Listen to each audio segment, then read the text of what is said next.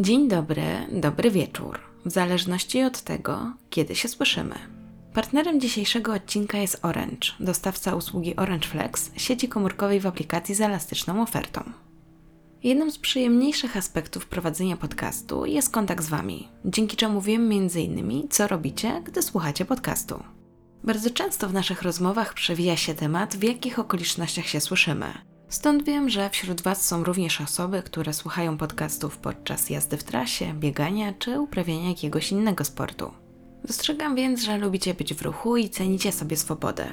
I dobrze się składa, bo partner dzisiejszego odcinka zdecydowanie rozumie potrzebę elastyczności.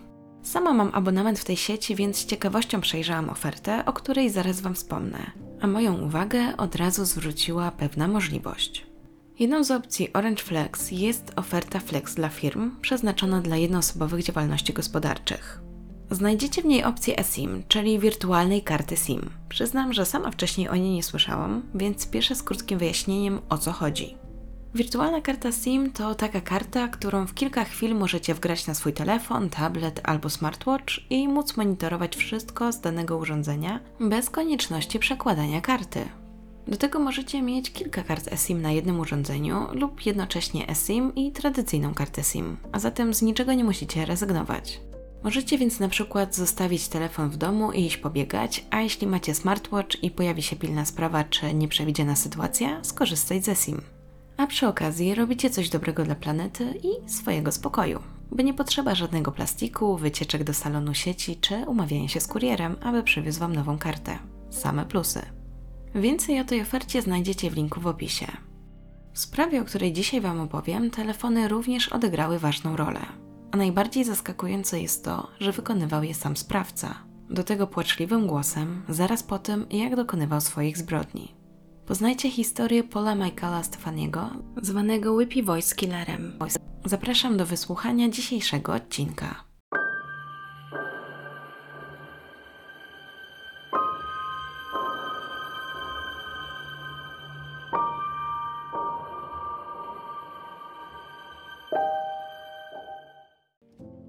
Początku lat 80. policja z Minnesoty stanęła przed ogromnym wyzwaniem.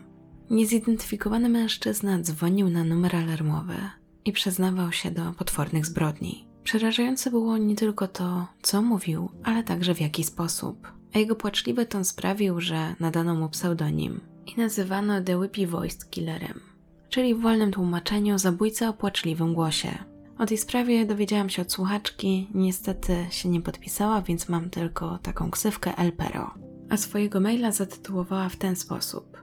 O tym na bank nie słyszałaś. I faktycznie o tym zabójcy wcześniej nie słyszałam, natomiast z tego co widziałam na polskim YouTubie również ten temat nie był zbyt często poruszany, w zasadzie nie znalazłam takiego odcinka, ale może gdzieś tam się skrył. Sprawa jest niezwykle interesująca, a w treści pojawią się także nagrania i sami zrozumiecie, dlaczego ten mężczyzna otrzymał taki pseudonim. Zacznijmy tę historię więc od początku i od tego, jak w ogóle policja dowiedziała się o tym zabójcy. Przenosimy się do Twin Cities w Minnesocie, czyli obszaru metropolitalnego Minneapolis i St. Paul. Twin Cities, jak sama nazwa mówi, to takie bliźniacze miasta, Generalnie chodzi o to, że są to dwa największe miasta tego stanu, które są ze sobą połączone gospodarczo. Ogólnie stanowią odrębne miasta, w tej chwili są już te obszary dokładnie wydzielone, ale są postrzegane jako taka spójność. Są też oddzielone rzeką Mississippi. Natomiast ta definicja Twin Cities to nie jest taka jedna ustalona definicja, bo można znaleźć także różne wytłumaczenia. Między innymi niektórzy uważają, że łącznie to jest siedem hrabstw. Natomiast to, co jest w tym najważniejsze, to to, że jest to takie gospodarcze, kulturalne i polityczne centrum Minnesoty. I około 60% mieszkańców tego stanu mieszka właśnie na tym obszarze.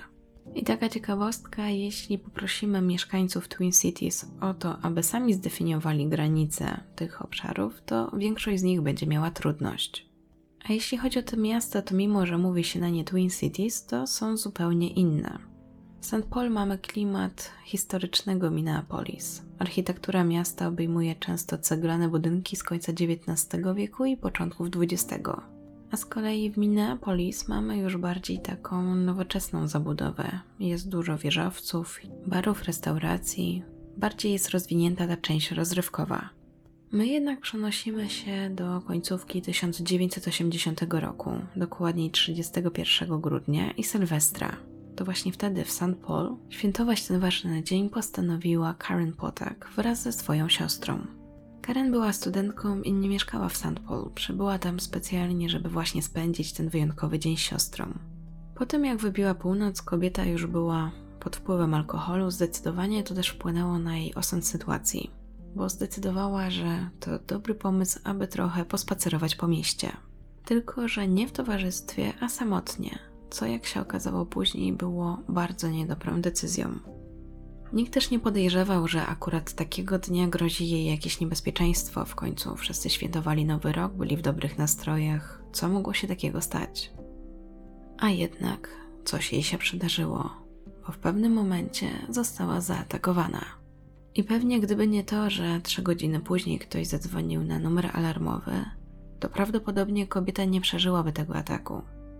Tajemniczy mężczyzna poinformował, że w warsztacie przy Pierce Butler Road w Malberg Manufacturing Company znajduje się ranna kobieta.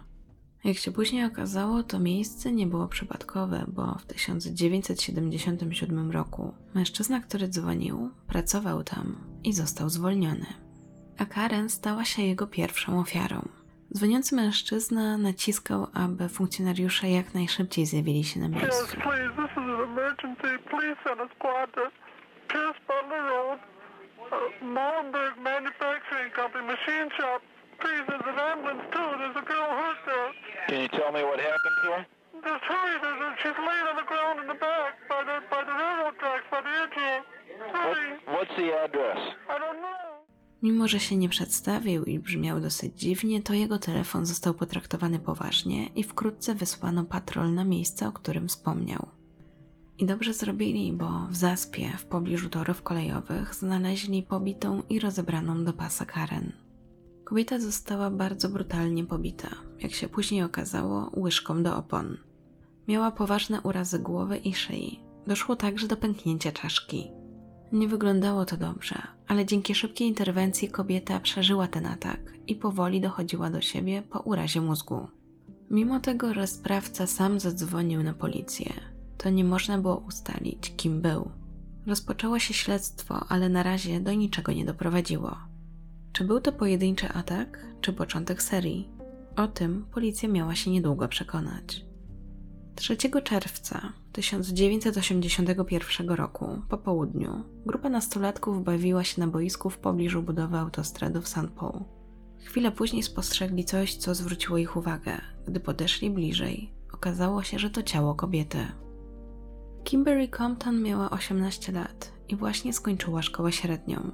Dopiero co przeprowadziła się do Minneapolis z Wisconsin w poszukiwaniu pracy. Ofiara miała rany na klatce piersiowej, brzuchu i wewnętrznej stronie ud. Później koroner ustalił, że narzędziem zbrodni był szpikulec do lodu. Łącznie sprawca zadał jej 61 ciosów. Sierżant policji, który po latach komentował tę sprawę, mówił, że w tamtym czasie było to dla nich bardzo niezwykłe, aby zabić kogoś szpikulcem do lodu. Choć policji dosyć szybko udało się ustalić tożsamość młodej kobiety, to niestety na miejscu nie znaleziono żadnych śladów, które mogłyby doprowadzić do sprawcy. I gdy już wydawało się, że trudno będzie podjąć jakikolwiek trop w tej sprawie, na numer alarmowy zadzwonił pewien mężczyzna. You find me? I just stabbed somebody with a knife pick. I can't stop myself. I keep killing somebody. Hello? Are you there? A to, co powiedział, zmroziło wszystkich. Brzmiało to mniej więcej tak. Cholera, znajdziecie mnie?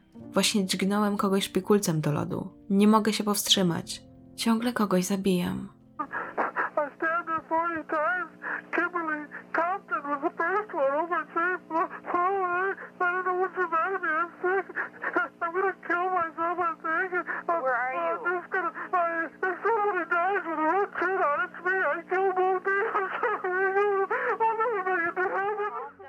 Głos mężczyzny był bardzo specyficzny. Płaczliwy, łamiący. Widać było, że to przeżywa.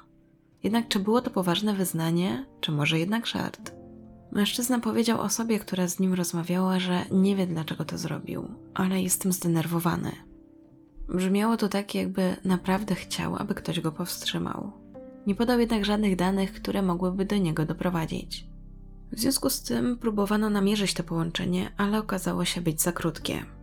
Zanim jednak śledczy zdążyli się zastanowić, co w takim razie robić dalej, na numer alarmowy ponownie zadzwonił ten sam mężczyzna. Kilka godzin później, gdy dyspozytor odebrał telefon, usłyszał, żeby nic nie mówił, tylko słuchał. Mężczyzna zaczął przepraszać za to, co zrobił Kimberly. Mówił, że nic na to nie poradzi i że przeraża go myśl o zamknięciu, że jeśli zostałby zamknięty, to by się zabił. Deklarował, że postara się już nikogo nie zabić. Ten telefon ponownie wywołał ogromne poruszenie wśród policjantów. Od razu też próbowano ustalić, skąd mężczyzna dzwonił, i tym razem się udało. Trop prowadził do budki telefonicznej, która znajdowała się w okolicach zajezdni autobusowej. Oczywiście policjanci od razu pojechali na miejsce, szukali potencjalnych świadków, ale niestety nikt nie zaobserwował tego mężczyzny. Nie było oczywiście wtedy też monitoringu, więc nie było nawet jak zweryfikować, kto mógł wtedy dzwonić. Jednak to wszystko sprawiło, że śledczy mieli pewność, że rozmawiali z mordercą, bo tylko sprawca znał szczegóły odnośnie tego, czym Kimberly została zaatakowana, a rozmówca to wiedział. Mimo, że tajemniczy mężczyzna deklarował, że sam się odda w ręce policji, oczywiście tego nie zrobił. Ponieważ trop z budki telefonicznej do niczego nie doprowadził, to detektywi zdecydowali się na upublicznienie tego głosu, licząc, że ktoś go rozpozna. Upubliczniona została część nagrania, tak aby w razie co śledczy mieli pewne informacje, które znają tylko oni, aby potem potwierdzić ewentualnego sprawcę. Ale i tak nie brakowało osób, które dzwoniły i mówiły, że mają jakieś informacje.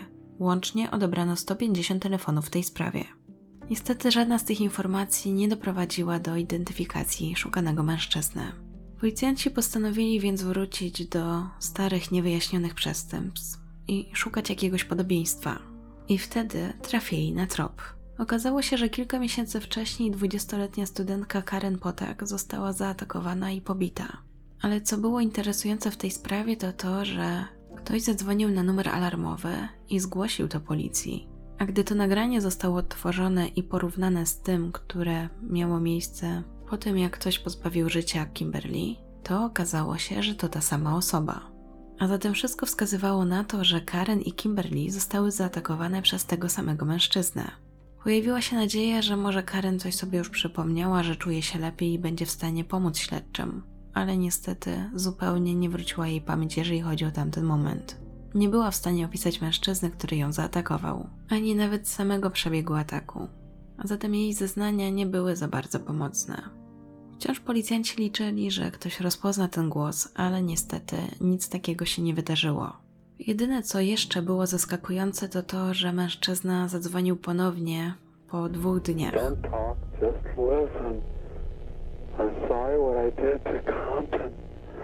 I I.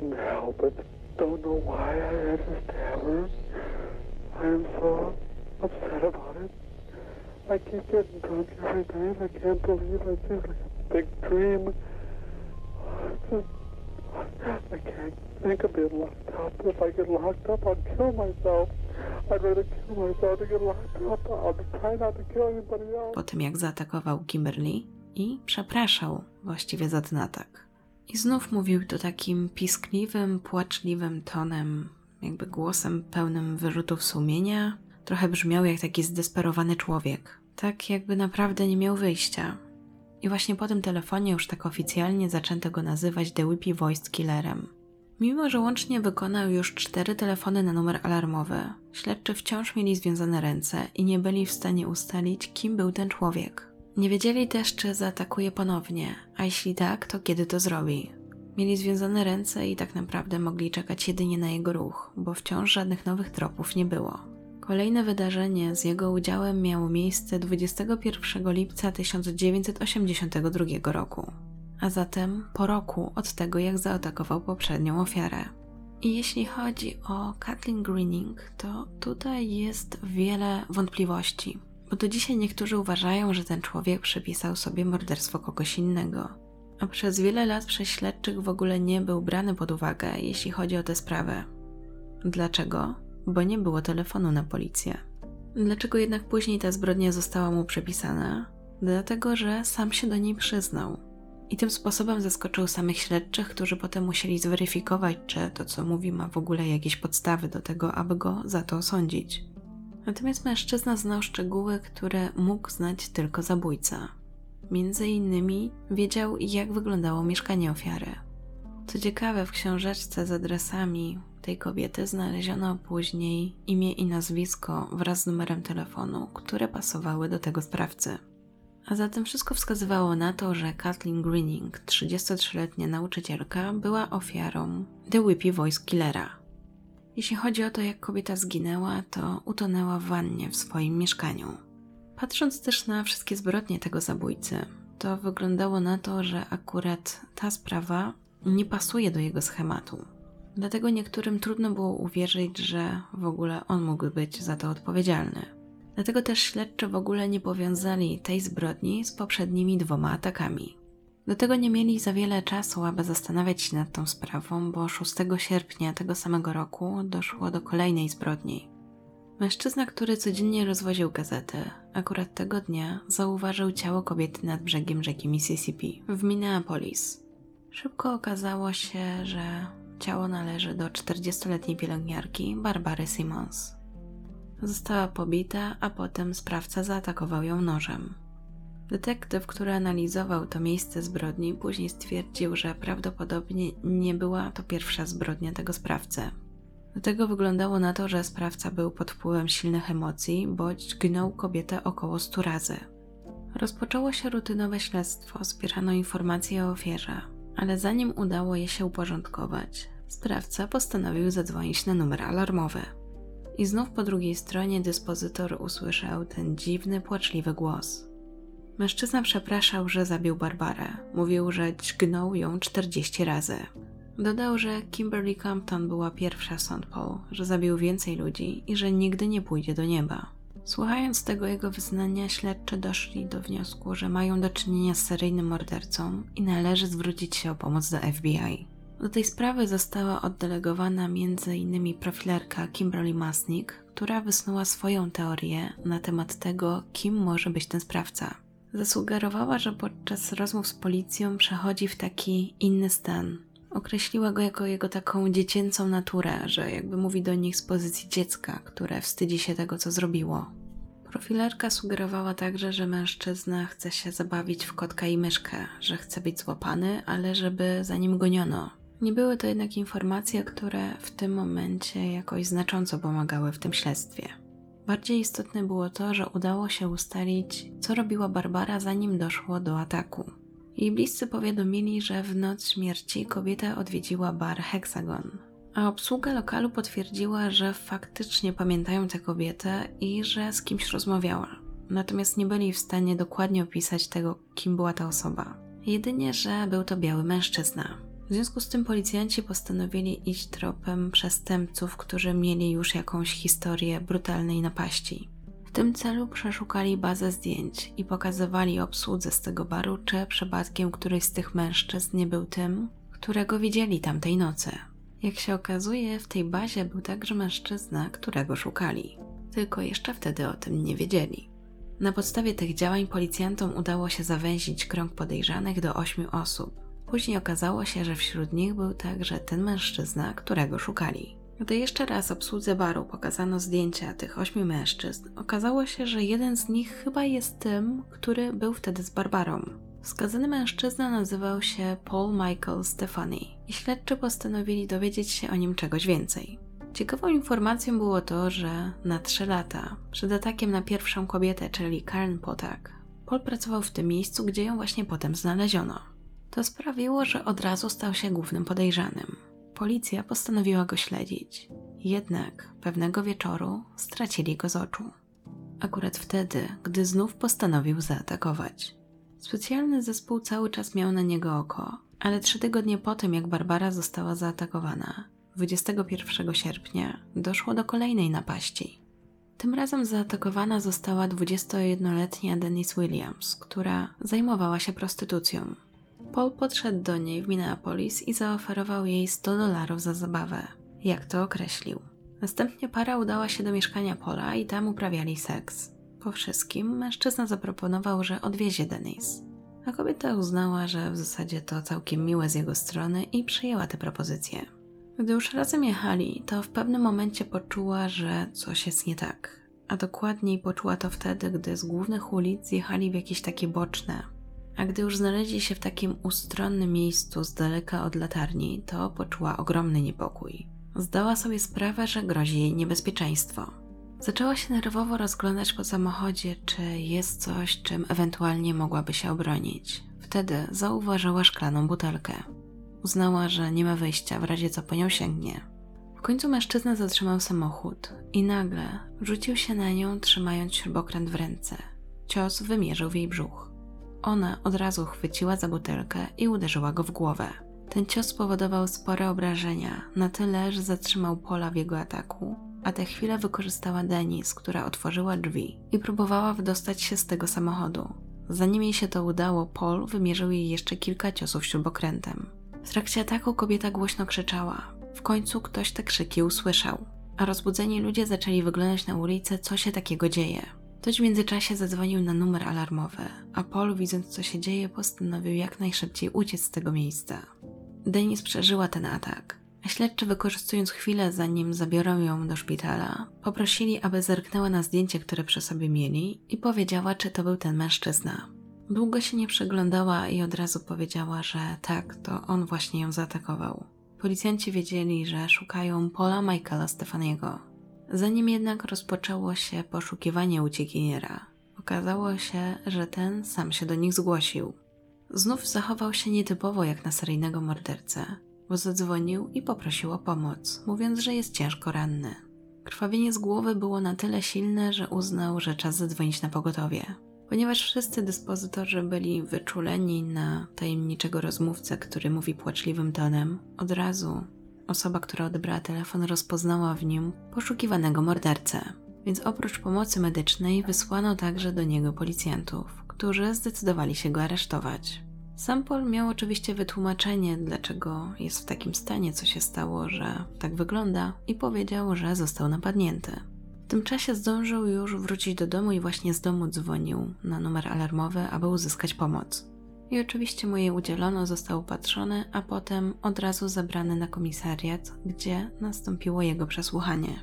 Od razu skonfrontowano go ze wszystkimi dowodami, które śledczy mieli w tej sprawie, czyli łącznie właściwie z czterema atakami, bo tak jak mówiłam, w przypadku trzeciej ofiary w ogóle nie zauważono tego powiązania. Problemem okazało się też to, że śledczy nie mieli wystarczających dowodów i byli w stanie jedynie oskarżyć go o napaść na Denis oraz zabójstwo Barbary. Na tym etapie Paul nie przyznawał się także do zarzucanych mu czynów. To, co później wspominał przesłuchujący go detektyw, to to, że zaskoczyło go, jaka zmiana zaszła w tym człowieku, jak inaczej brzmiał na nagraniach, a jaki inny głos miał na żywo. I też zaskakujące było to, że jak się denerwował, to od razu wchodził w taki wysoki ton, właśnie taki piskliwy. To też przekonało tego śledczego, że ma do czynienia z właściwym człowiekiem, że właśnie tak on brzmiał na tych nagraniach. Mimo tego, że wierzono cały czas, że był odpowiedzialny także za zabójstwo Kimberly oraz atak na Karen, to prokuratura nie zdecydowała się w tym przypadku na akt oskarżenia. A sam również protestował i mówił, że nie da sobie przypisać tych zbrodni. A zatem uznano, że trzeba wybrać mniejsze zło i lepiej w ogóle go oskarżyć, niż nie oskarżyć wcale i na przykład przegrać ten proces przez to, że nie będzie wystarczających dowodów. W przypadku napaści na Denis i zabójstwo Barbary te dowody były oczywiście niepodważalne, natomiast dalej Paul się nie przyznawał do winy również w tej kwestii. Nie do końca była znana też jego motywacja. Jedynie badając przeszłość Pola, śledczym udało się trafić na pewną informację, która rzucała światło na tę sprawę. A chodziło o to, że był kiedyś w związku z kobietą, która nie mieszkała w Ameryce, a pochodziła z Syrii. I złamała mu serce, bo postanowiła zakończyć ich relacje i wrócić do swojego kraju, gdzie czekał na nią mężczyzna, który został wybrany przez jej rodzinę na jej męża, a ona postanowiła spełnić wolę swoich rodziców. Pojawiła się więc teoria, że to tak mocno zdenerwowało mężczyznę, że po prostu te emocje wyrażał w tych atakach. Detektyw, który prowadził tę sprawę, powiedział tak. Kiedy Stefani atakował swoje ofiary, sądzę, że atakował swoją byłą dziewczynę, ponieważ czuł się zdradzony przez to, co mu zrobiła. Natomiast sam moment przesłuchania Pola, ten sam detektyw wspominał tak. Kiedy podszedłem i otworzyłem akta, miałem zdjęcia ofiar. Spojrzał, a potem jego powieki zaczęły drgać. Miałem wrażenie, że odtwarza sobie te zabójstwa w pamięci. Po czym detektyw dodał, że w tamtym momencie poczuł, że ma sprawcę. Remember where you hit her with the tire iron, Paul? I did. I mean, did you hit her one time, two times? uh, about 30 times, but I mean, a good, good 20 times I think it was. Were you swinging it this way, or did you poke her with it, or do you No, I, didn't, I don't think I poked her. No. I, Co wiemy o Polu? Generalnie tych informacji nie jest za wiele, ale rzucają pewne światło na tę sprawę.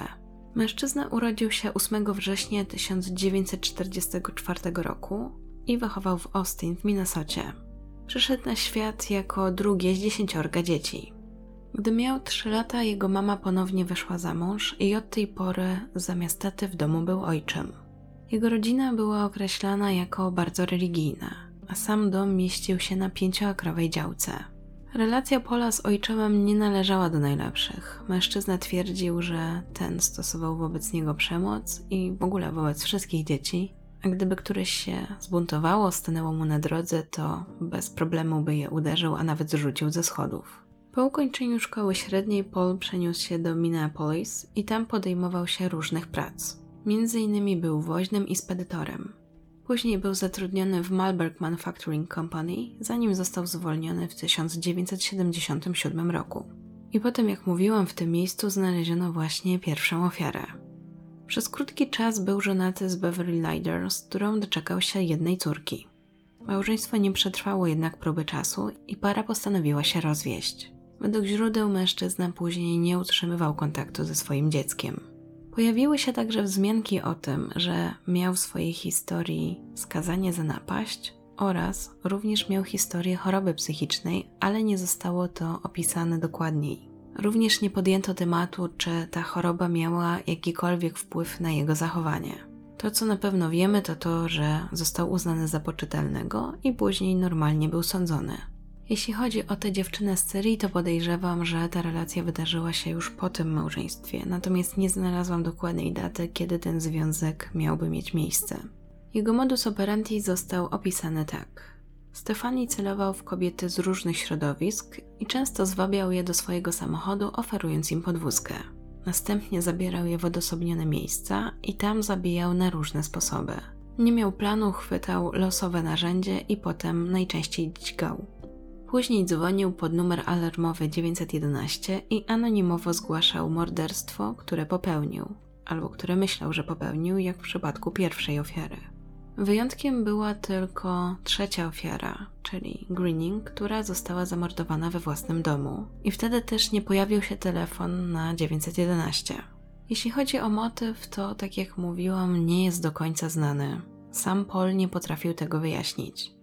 W jednej z rozmów, które zostały nagrane, możemy zauważyć, że mówi coś takiego, że nie wie, co się z nim dzieje, że jest chory, że zamierza zabić, że myśli, że to on i że zamierza.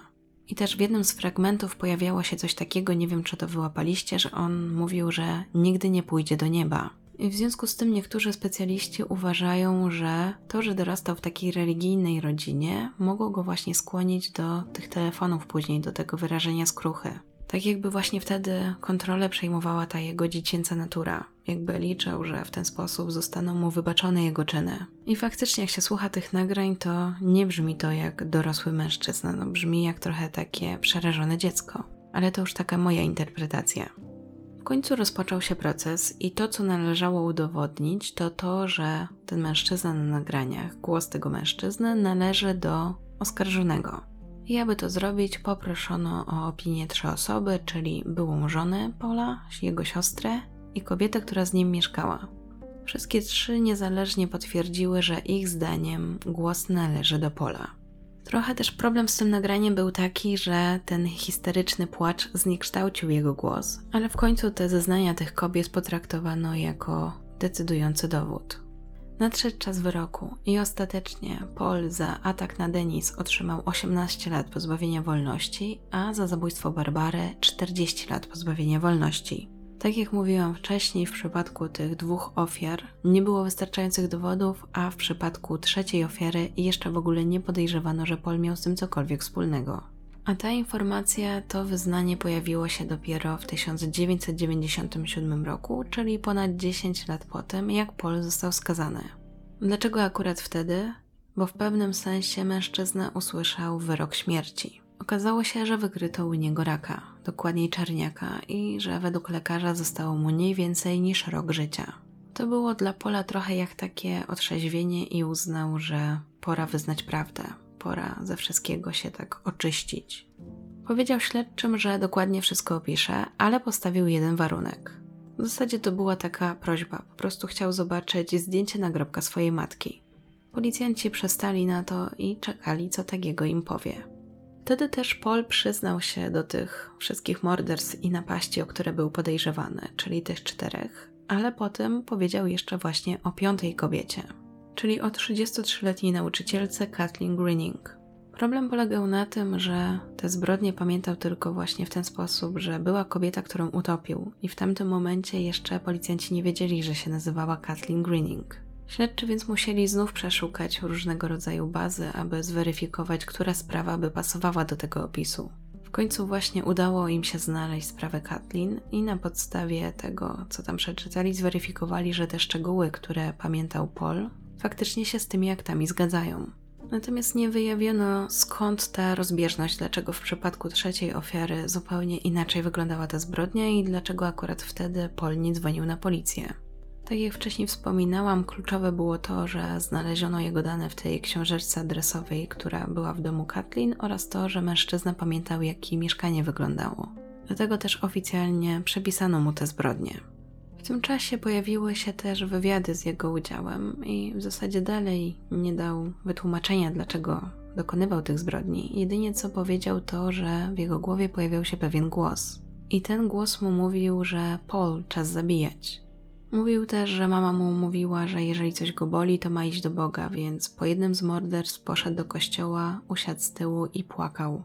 Jedyne do czego się przyznał to to, że faktycznie ten wyrok śmierci, ta choroba była taką motywacją do tego, aby po prostu opowiedział o tym wszystkim. Trochę wyglądało to tak, jakby szukał rozgrzeszenia. I oczywiście padały też takie pytania, dlaczego to zrobił, natomiast on sam powiedział, że nie wie dlaczego. Tylko mówił o tym głosie i że w zasadzie jak już robił to wszystko, to potem do niego nie dochodziło, że to zrobił. Tak jakby właśnie to nie on robił. I tak po tym wszystkim, co wam opowiadam, i po tym, że w zasadzie nie znalazłam nigdzie wzmianki o tym, jak wyglądało jego badanie psychiatryczne, to się zastanawiam, czy faktycznie niczego u niego nie wykryto, czy też ze względu na to, że działo się to w latach 80., to tak nie do końca chciano mu wykryć cokolwiek. A może po prostu wtedy trochę inne było do tego podejście. Może wy się orientujecie, jak to było w tamtych czasach, właśnie w Ameryce, dajcie znać, czy właśnie uważacie, że miały na to wpływ czasy, czy jednak to, że niczego nie opisano oznacza, że nic u niego nie wykryto. Jak wam mówiłam, jest tylko takie lakoniczne wspomnienie o tym, że cierpiał na jakąś chorobę psychiczną, ale nie jest powiedziane na jaką. No i dajcie znać, czy właśnie wam też takie pojawia się wrażenie, że może jednak ta choroba miała wpływ na jego czyny. Po wszystkim wydawało się też, że Paul czuje skruchę, jest mu żal. Mówił też, że nie wie, co miałby teraz zrobić poza powiedzeniem, że chciałby cofnąć czas. Tylko właśnie pytanie, czy faktycznie tego wszystkiego żałował, czy też może trochę łaknął uwagi. Czy może to, że w domu nie do końca u niego było dobrze, że pojawiała się ta przemoc od ojczyma, że dosyć wcześnie w zasadzie opuścił ten dom rodzinny i miał sporo rodzeństwa. I jakoś wpłynęło na to, że potrzebował tej uwagi. Ale oczywiście to jednak takie kwestie, w przypadku których możemy tylko pogdybać, bo już odpowiedzi na te pytania nie otrzymamy. 12 czerwca 1998 roku w szpitalu więziennym w Oak Park Heights Paul zmarł.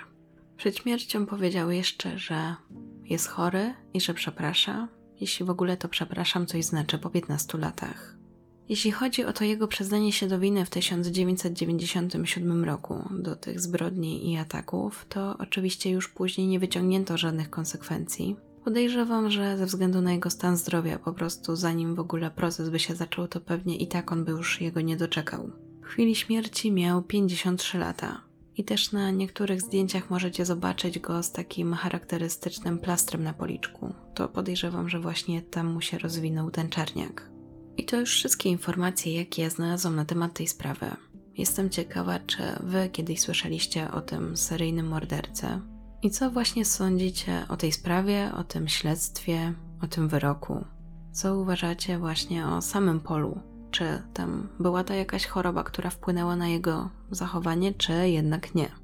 I co uważacie właśnie o tej trzeciej ofierze? Czy faktycznie była to zbrodnia, którą dokonał Paul, czy może po prostu ktoś mu o niej powiedział i on to na siebie wziął? Nie wiem, taka mi teraz luźna myśl przyszła.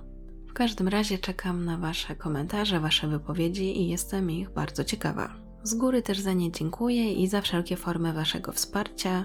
Bardzo mi też miło, jak udostępniacie, że słuchacie odcinek na przykład na Instagramie. Bardzo lubię patrzeć w ogóle w jakich okolicznościach to robicie. Dziękuję też wszystkim, którzy wspierają mnie na YouTube oraz Patronajcie, a zwłaszcza patronom. Angelice, Jakubowi, Adzie, Magdzie, Jagodzie, Dominice i Angelice. Jeszcze raz bardzo dziękuję i dziękuję także za wysłuchanie. Słyszymy się przed majówką, więc życzę Wam wypoczynku, życzę, żebyście bezpiecznie też wypoczywali i żebyśmy się słyszeli po tym długim weekendzie. A teraz życzę Wam dobrego dnia, dobranoc, do usłyszenia.